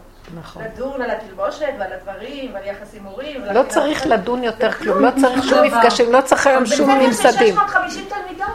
לכן אני, אני מאוד אוהבת את נתניהו בדבר אחד, הוא אוטיסט כזה שהוא הוא המחליט, הוא הקובע, הוא השר, הוא ראש הממשלה והוא יש לו עשר תיקים של שרים והוא הכל והוא לא מתייעץ עם אף אחד והוא עושה מה שהוא רוצה כי הוא צודק, רק עם אשתו, גם אשתו אל תחשבי.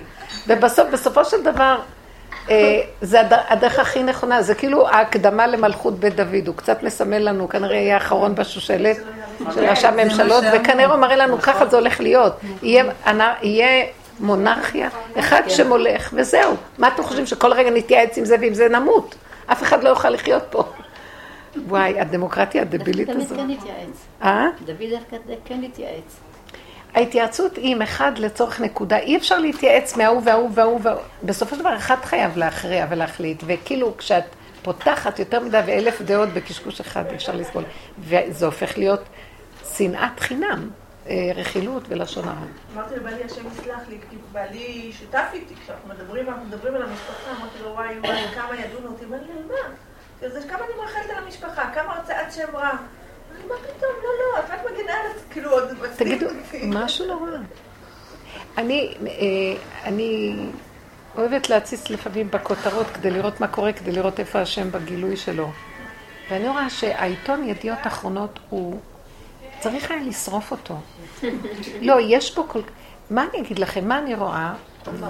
ואני לא, אני סתם מסתכלת, אני אוהבת לקרוא, אני מסתכלת ורואה, ואני תמיד רואה את נקודת ההשקפה של הדבר. השטן בהתגלמותו, לשון הרע, רכילות, מחרחר מדנים, איך, איך לגרום שכולם יריבו עם כולם בשם הדמוקרטיה. ומפיץ, זורע שנאה וכעס, ואיפה שרק יש איזה סנסציה של משהו, בכלל יחריב את עם ישראל, יחריב את המדינה, יחריב את הכל בשביל איזה נקודה שכביכול דמוקרטי ומותר להגיד הכל. ואני מסתכלת ואומרת, זה בדיוק אני. אני מסתכלת על הנקודה הזאת, תראו, תס... קוראת ואני אומרת, אבל אני רוצה להגיד לכם, המדינה נמצאת במצב מאוד גרוע, מבחינת, למה אני אומרת המדינה? יש לי, אני מסתכלת ואומרת, נכון, מה אכפת לך מכלום, אבל כן יש איזו נקודה של כלליות שאת רואה אותה. אה, זה חורבן דעות והבנות והשגות ודמוקרטיה בדבר הזה, אין חורבן יותר גדול מזה. כלום. לא לדעת, לא להבין, לא להשתתף, לא להגיד. אי אפשר. רק מלכות בית דוד. אחד שמולך ופוסק, הוא יכול להרשות לעצמו, צריך להתייעץ תמיד, אבל עם אנשים שיש, שזה לתכלית, סתם בשביל לעשות סנסציה, ש- כבר עברו את הגבול, שיהיה יותר עותקים, שיותר יפיצו, שיותר רעש, שיותר זה, דמוקרטיה. מחריב, פשוט זה החרבה, זה סכסוך, זה כל הזמן כותרות שמסכסכות את כולם בכולם. זה, אני מסתכלת על זה ואומרת, זה ראש הנחש. כל עיתון יש בו לשון הרע בעצם. אבל יש שם חוסר הגינות משווה. איך מרשים כזה דבר? הכל, הכל מותר פה במדינה. בשם הדמוקרטיה. הדמוקרטיה הזאת היא הנחש הכי גדול שיש. איך נו, הוא הצ- ואנחנו בשם התורה והמצוות לא מלכלכים בלי סוף. בדיוק. אבל איך הוא הצליח, אבל בצורה שהיא, איך הצליחו, זה יהרוס, זה גופה, הדמוקרטיה הזאת תחריב את המדינה הזאת גופה, פשוט. יש לי כזה צער על כל כך הרבה סבל שיש אנשים מתאבדים בגלל זה, כל מיני כאלה בתפקידים מתאבדים, הם לא יכולים לעמוד מול האמת שהדמוקרטיה דורשת שכולם לכלוך וזה. גם בנושא של התורה, בואו ניקח את עולם התורה, יש כל כך הרבה כאבים לאנשים פרטיים שמפחדים שלא יגלו זה, יעשו עליהם פשקבים, יהרגו אותם, יוציאו עליהם איזה שם, ככה הם גמורים. הרב ברלנד מסתובב בחוץ לארץ, הרגו אותו. זה רשעות שאין כדוגמתה. מה, מה אתם רוצים מהבני אדם? כל אחד יחפש את עצמו ויראה איפה הוא תקוע. מה כל כך השמחה לעד? כולם ברשעות הכי גדולה שקיימת. גם זה עכשיו שיצא, כל מה שלא יוצא עושים כותרות ואין רשעות. איך יכול להיות שמרשים ועוד עיתונים לא- בכלל לא בעולם? עיתונים לא. אסורים בעולם. זה דבר נורא ואיום. כל התקשורת. חגיגה של רשעות. ואנחנו, זה אמרת, הזמן. הם משועממים, ריקים. משועמם וריק, וזה, תסתכלו על עצמנו. שיש לך כעס על האחים, זה שם, השיממון שלך, את צריכה תפקיד. איך צריך להיות קטנים? זה מה שאת אמרת, שרב אושר אמר. תגיד, תחזרי על זה עוד פעם, שהסיבה, לא, הוא אומר, הסיבה היא באותה שנייה. זה ככה צריך להיות one-liner של שנייה. טק, טק, טק, טק, טק, שנייה, שנייה, שנייה, שנייה. טיפה מתרחבים, אנחנו רשעים. הוא מביא את הסיפור הזה. תגידו לי, איך אפשר להישרד פה? אז אני רואה את אליעזר, הוא ברח לנקודה של אוטיסט, אבל הוא לא. אני רואה את העיניים שלו מפוכחות, והן חודרות כליות ולב, אבל הוא לא, אין לו לא דעה, ולא מה להגיד, ולא הבנה, ולא השגה, והוא אחוז בפעולות הכי פשוטות. איך אני אגיע למקום הזה? להתראות, תרצלה. תרזה יפה. חי את הסכנה. אה? חי את הסכנה. איך, אבל. לפעמים אנחנו... כי אין לו משפחה, הכי כיף לו, אין לו משפחה. רבותיי, זהו זה. יש לי הרבה פעמים. געגועים לצאת מן העולם, ללכת. לברוח לאיזה אי בודד. מוכנה לבוא איתי? גם שם אני באה מתקוטט. שתי לא לבד. אפשר לבוא איתך גם? אי בודד, לא אכפת לי כלום. אני אלך עם הקרחת שלי, אני אלך עם מה שבא לי להתלבש, אין לי כבר כוח לכלום. לא המשפחתיות הזאת שהנשמה יוצאת לך לתת, והפחד להוציא מילה כי את בסכנה, אז זה רק להיטיב ולהיות, כי אני רשאית ואני אחריב את כולם ואני אשחוט אותם ואוכל אותם חיים גם כן. והסכנה שלי כל כך גדולה, והוא משאיר אותי בתוך הסכנה הזאת. הוא מתגלה שם, כי אחרת זה היה נורא, אבל לפעמים אני מותשת מכל המערכת הזאת והיהדות, אני מותשת מהכל, מהחגים, מה... זה, לא, התורה היא אמת, התורה היא נקייה, אבל היא כבר הפכה להיות אצלי קומץ, אפילו לא צריך, כאילו, אין כבר, אין כבר כל המועדות האלה איך שהם, זה, זה הכל תורת אמת, נקודה של מועד, נקודה של שבת, נקודה, הכל נקודה, רגע של סיבה. את עובדת עם הרגע, עם הסיבה כאן ועכשיו, ואין יותר כלום. שימי לב מה עושה לך העולם. חגים, מועדות. ילדים, שבתות, משפחה. חתונות. אחר כך מדברים עלייך לשורה. זה זה פשוט להיקבר, ומי שחי, מי שתופס את הנקודה ואת היחידה, יש לו איסורים אחר כך שהוא בא, העולם קשה מאוד עליו. איך, איך בורחים, איך יוצאים מזה? אני לא יודעת מה לעשות. זה השם, מתוך המציאות הזאת, אני אומרת לו, תעשה לפחות משהו בעולם קצת, שנראה שיש איזו התחלה. לא, הכל כמנהגו. תעזור לי אנחנו שקצת לא- תחריב בו, תחריב שם, תעשה ככה, לא, שיקרה משהו. אבל את זה תיכנעו בך. כביכול, המשפחתיות, אבל לא יודעת. תעזבי אותך, נמאס לי כבר, אני רואה שכבר הכל זה סתם. הוא הכריח אותנו להגיע לזה, כי אחרת כן היינו הולכים על מה שהיא אומרת, כן, זה זה, והולך לנו, ואנחנו זה. הנקודות של המתיקות והחוסר, הכל ביחידה, הכל גן עדן עלי אדמות. אבל רגע את מרימה את הראש, כי פה יש את הילד, ופה יש את הזה, ופה זה, את לא... מה יהיה? מה לעשות? תגידו לי, איך... בואו נטכס עצה. איך נצא מזה ולא נשבור את המסגרות? זה למות. זה להמית את האני הזה. זה הע- העולם, ש- תוכנת העולם הזאת שמרימה ראש, ואז זה הכאבים. גם אותה, לשחוט, לשחוט, לשחוט. להישאר, להישאר אוטיסט בתוך המציאות. כן, אבל מצד שני, שלא נגיע למצפון שאנחנו נתנתק מהעולם. אכזריים, אכזריות. בדיוק. אבל זה זה הכסף שלו. אז זה רק הוא יכול להיכנס שם, כי אני לא יכולה להכיל את זה, גם להיות ברחמנות על העולם, גם להיות באוטיזם, גם להיות... לא יכולה, הוא חייב להיכנס, זה הצעקה. תיכנס בעולמך ותכיל לי את כל ההפכים האלה, כי אני לא יכולה להכיל אותם. הבן אדם נמחץ בין הפכים. התודעה שלו לא יכולה להכיל של עץ הדת, דברים הפוכים. הוא כל הזמן שואף לשבת במנוחה בדבר אחד, וכל רגע מטלטלים אותו לרגע הבא, ולחיות באונליין של הרגע הבא, ובסיבה, ולא לצאת. ו... זה אלוקי, זה אלוקי, זה רק אלוקות יכולה להתגלות פה. אבל אנחנו צריכים כנראה להיכנס עוד יותר עמוק בהסכמה של הכלום, ואז האלוקות מתגלה, והיא נושאת את המקום הזה של העולם והיחידה ביחד. יש משהו שאנחנו צריכים כנראה למות עוד קצת למטה, בכיוון הזה יותר, לא ככה. ואם הוא מראה לך שכאילו בטבע הולך, אני הבוקר דיברתי עם מישהי שהיא אה, עובדת איתי... איזה סכנה זה שהולך בטבע? פחד, ואימה וחרדה. אז היא סיפרה לי על מישהי שהייתה שותפה שלנו, ופתאום היא נהייתה מאוד גדולה, ויש לה מתמחים, ויש לה זה, ומצאתי את עצמי במקום של קנאה מטורפת. אני אומרת לעצמי, מצד אחד אני נשחטת כאילו בכיוון אחד, מצד שני, אז למה אתה מראה לי את ההצלחה שלה? כאילו, למה אני רואה את זה? כדי שתשחטי, למה, מה? לשחוט את האגו, שתראי איך שהאגו מכאיב לך, כי את עוד רוצה עולם והצלחה, והכאב יהיה כל כך גדול שתגידי אלף מיטות ולא קינה אחת. הוא עכשיו וטוב לו, איך זה עובד ככה? מה, באת עכשיו על השאלה של השאלות. לא, באמת, כאילו, זה- היא כל כך הכאיבה לי עם המשפט הזה, לא בגלל ההצלחה שלה, בגלל שאני יודעת שהיא כל כך הכאיבה לכל כך הרבה אנשים, האישה הזאת, כאילו, היא עצבן אותי. נו, אל תכעסי בגלל שאני יודעת שהיא חייבה. נטו קנאה. לא בגלל, ואם היא הייתה צדיקה, לא היית מקנאה? היית מקנאה. כולם מקנאים, אני מקנאה, מקנאה, מקנאה. ולעולם זה לא נגמר, והשד הזה אני לא יכולה לו, זה נחש עוקץ, אני צריכה להוריד את הראש באדמה. הראש, הורדת הראש זה כל העבודה.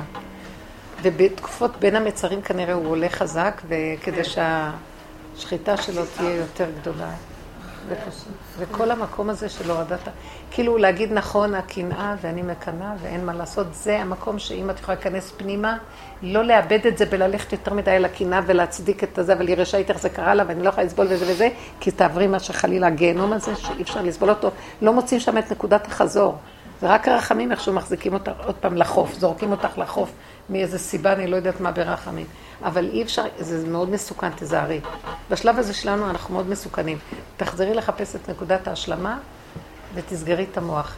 אנחנו כאן עושות רווחים, רווחי רווחי רווח לנצח של האור הגנוז, שאין שום הצלחה בעולם הזה דומה לו ושווה לו. כי אנחנו לא רואים את ה... אנחנו רואים את התוצאות של העבודה שלנו, וזה סזיפי כזה, זה מרגיז אותנו, כי פה העולם נראה תוצאות, ולנו אין שום תוצאה. זה מרגיז, זה... מתיקות אה, רגעית ו... יש מתיקות רגעית, אבל רגע את פותחת את המוח ומסתכלת ועושה אחד ועוד אחד, אפשר להשתגע. מישהי סיפרה לי חלום שחלמה עליי. לא משנה, זה מישהי שהיא גם כן בדרך. שחלמה עלייך? כן. היא אומרת שאנחנו, היא, היא, היא, לוקחת אותי לאיזשהו מקום איתה. משהו מה.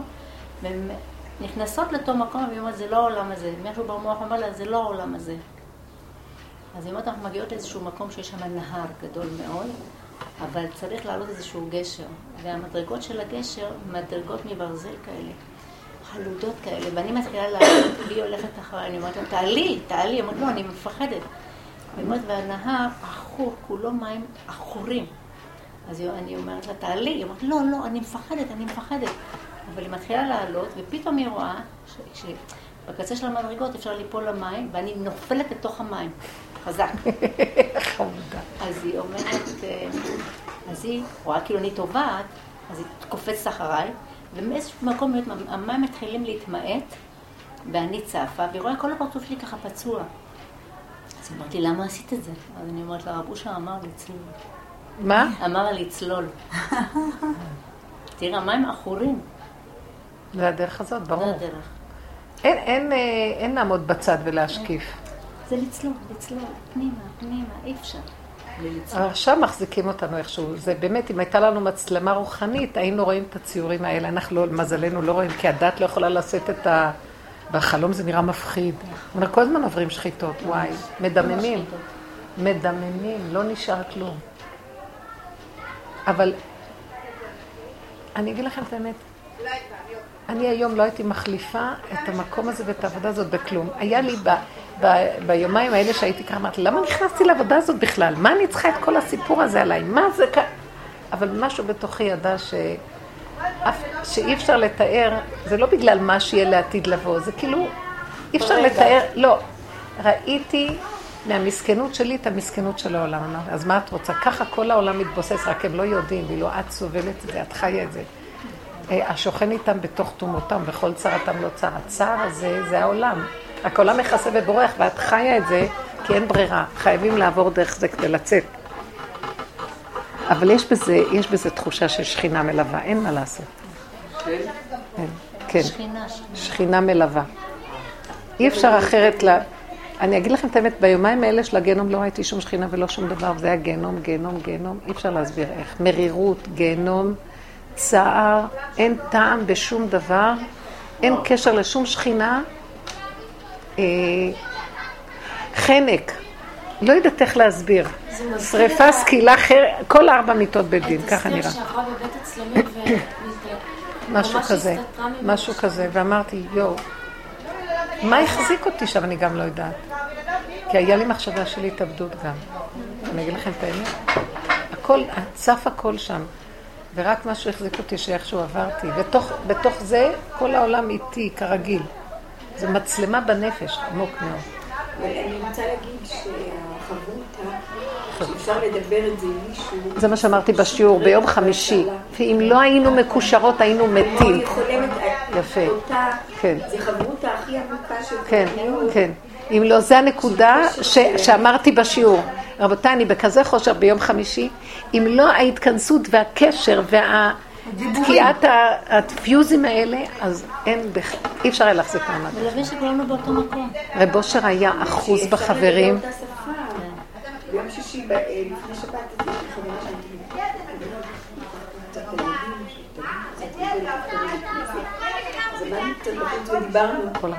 דיברנו ב- בדרך, את הדרך, והרגשתי שזה ממש ערב שבת, ושיש מישהו שאפשר לדבר איתו את המילים האלה, והוא מבין, ואני מבינה, והיא מבינה, אז אמרתי לה, תדעי לך, זה ממש, זה- גדולה. את יודעת מה, נכון. ביום חמישי שדיברנו בשיעור, ואמרתי להם, איך אני עכשיו אעבור את השבת ואתם לא איתי?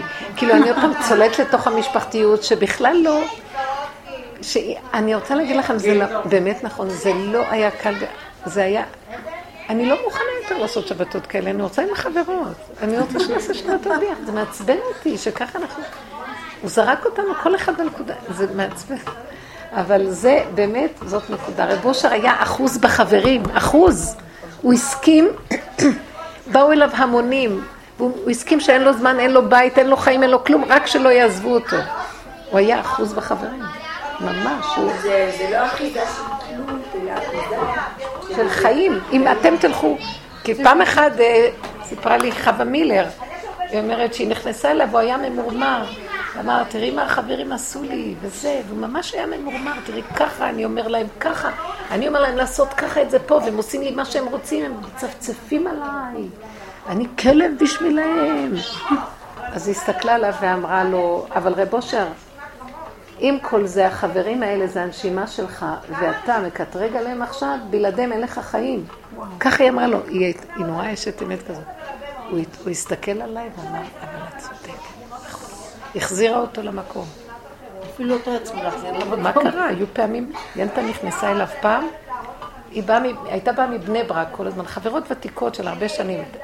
הייתה באה, ישבה בחוץ שעות כדי לזכות להתקבל אליו, להעביר את הכאבים שיש לה מה- מהמשפחה שלה ומשהו. כל אחד היה בא עם הכאבים, זה מקום חצר של כאבים הייתה.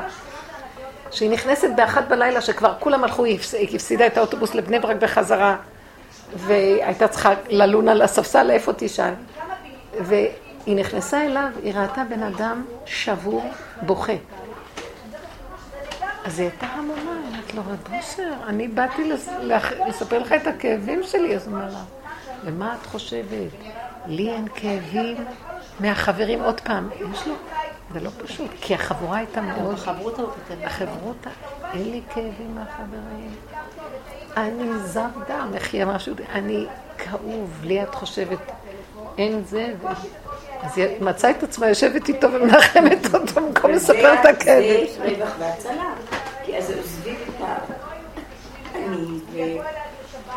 זה הרווח וההצלה. לכן הוא אמר שבדרך הזאת, אם אין את החברותה, אין שום דבר. הוא קרא לזה שלו חברו, החברותה. זה, הוא היה אומר זה לא שאני מדבר אליכם, או אתה מדבר, ואתה, כשיש לך צער, אתה מדבר לשני, וזה מפיק. השם דרכו נותן לך, השם דרכי נותן לכם, השם דרכה נותן לי. השם מתגלה דרך החברותא ועוזר לנו. האור הזה נכנס דרך השני ועוזר. אז צריכים את השני. אה? זה ממש ככה.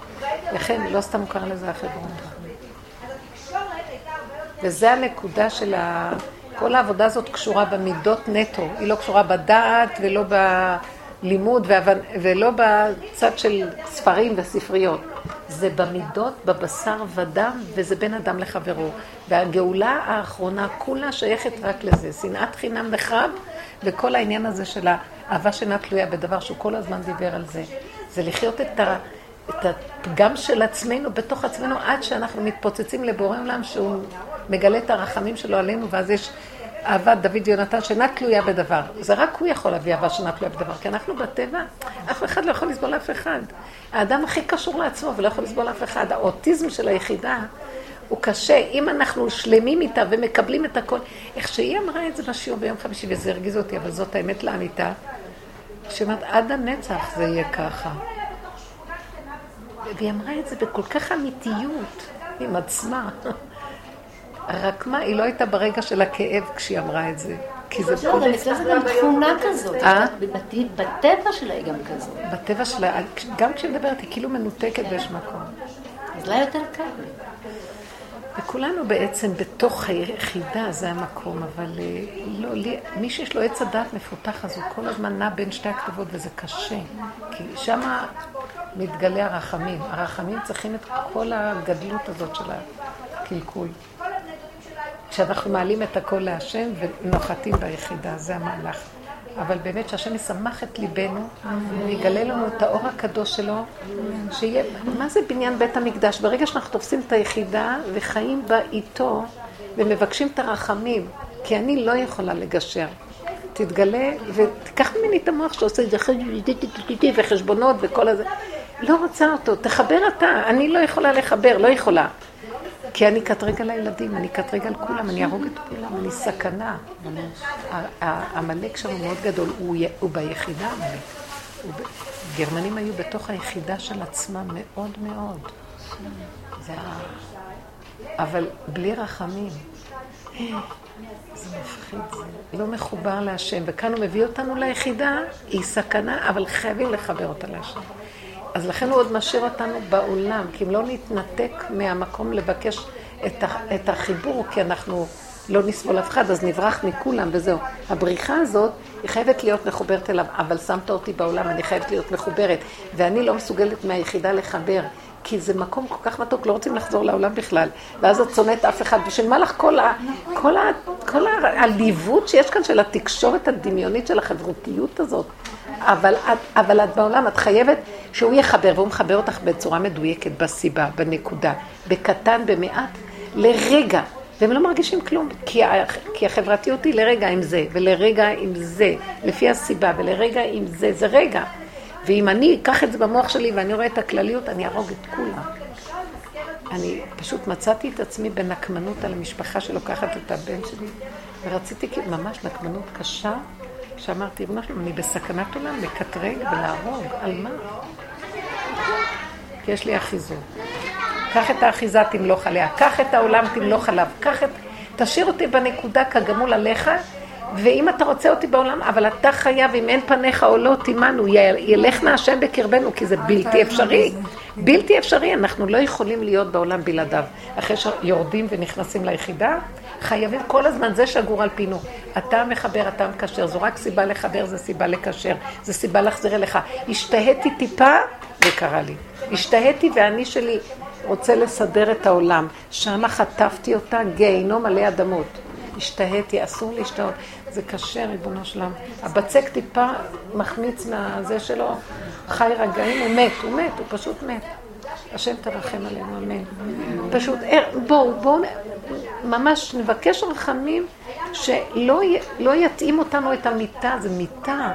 ש... אז מה אומר? תישארו איתי. אבל אל תשלח לי סיבות קשות שאני לא אוכל לעמוד בהן. ככה אני... תקטין, תקטין את הזעזוע של הסיבות מבחוץ. כי אני לא יכולה לעמוד עם הנחש הזה מולי גדול, הוא גדול עליי, יאכל אותי. תקטין אותו. סיבה קטנה אז אני בקטנה יכולה להכיל את הקטן, אתה שולח דבר גדול ואני בקטנה. הפרופורציות, אתה, תרחם עלינו, לא יכולים, לא יכולים. את לא יכולה להיות ביחידה ולקבל סיפור על זאת שהצליחה בכל זה וזה, איזה סכנה. אז אני אברח מהעולם, אתה לא רוצה. אז אני אהיה בעולם, אני אשמע את זה, אני אמות. אני לא יכולה. תדברו איתו על המהלך הזה. אני הולכת על הגשר הזה, אני אפול ואני אמחץ. אני אחזיק אותך בתוך המחיצה? תרחם עליי, אז אני לא רוצה אפילו לזכור מה היה. אני לא יכולה לעמוד בכאבים יותר. דווקא את מקייפת, נסעת לחוץ לארץ כמה פעמים. בקנה? תיזהרי. אני לא הולכת לאף מקום. תיסעי לך. אני לא יכולה, אתם לא מבינים, לא יכולה. למה את לא יכולה? כי אני כבולה, שכל הגורה הולכת לתכלית. איזה תכלית. קמצנית רשעים. לא יכולה, זה לא אני, זה אתה עושה לי את זה. זה לא אני, זה לא יכול להיות שזה אני. את גמרת לשתות? זה לא, כן. זה לא הבל, תגידי. לנסות לנסוע ולחזור? מה, מה היה שם ש... סליחה, אנחנו לא מוותרים על שיעור, הרבנית, את לא הולכת לשיווק. לא, אני אומרת לעצמי, מה מה העניין של הנסיעות האלה? גם שם מקבלים. תגידו, אם אנחנו עושים איזה, לכל הקבוצות, אני, מי שרוצה בנות שיבואו לאיזה שלושה ימים, יומיים עיון כזה נחמד. עם- אולי סוף שבוע, אתם רוצים שבת? שבת יהיה שייך לעזוב את הילדים. שבת נראה לי יותר קשה עם הילדים. יום לא. אבל איפה, הרבנית? אז תגידו איפה, אני רציתי לה- להזכיר ספינה ולשוט בים, באיים הקרים. הלוואי. לא, יש באיי, לא, חשבתי בס- פה באיזה מקום בגליל או משהו. כן, כן, כן. הנה, הצימרים האלה, אולי אנחנו... אולי לנו. הצימרים האלה. כן, איזה חמודה, כן, כן. כן, כן. יאללה, לעזוב את כולם הרי זה כל. הסיפור, את. וואו. נו, אז בין הזמנים, אני אשאל כן. אותה אם היא יכולה לתת לנו עוד, כי זה שני צימרים, אנחנו נהיה הרבה, צריך מקום גדול. מצטופף, מצטופף. כן, כן, תעשי לנו. כמו שעשית להם אה, באומן. חן כמו וחגית שעשית להם גליק באומן, מארגנות. הרבנית. יאללה, אבל אתם צריכים עכשיו לעזוב את הצימר הזה, כי תכף יבואו הצדיקים ויגרשו אותנו.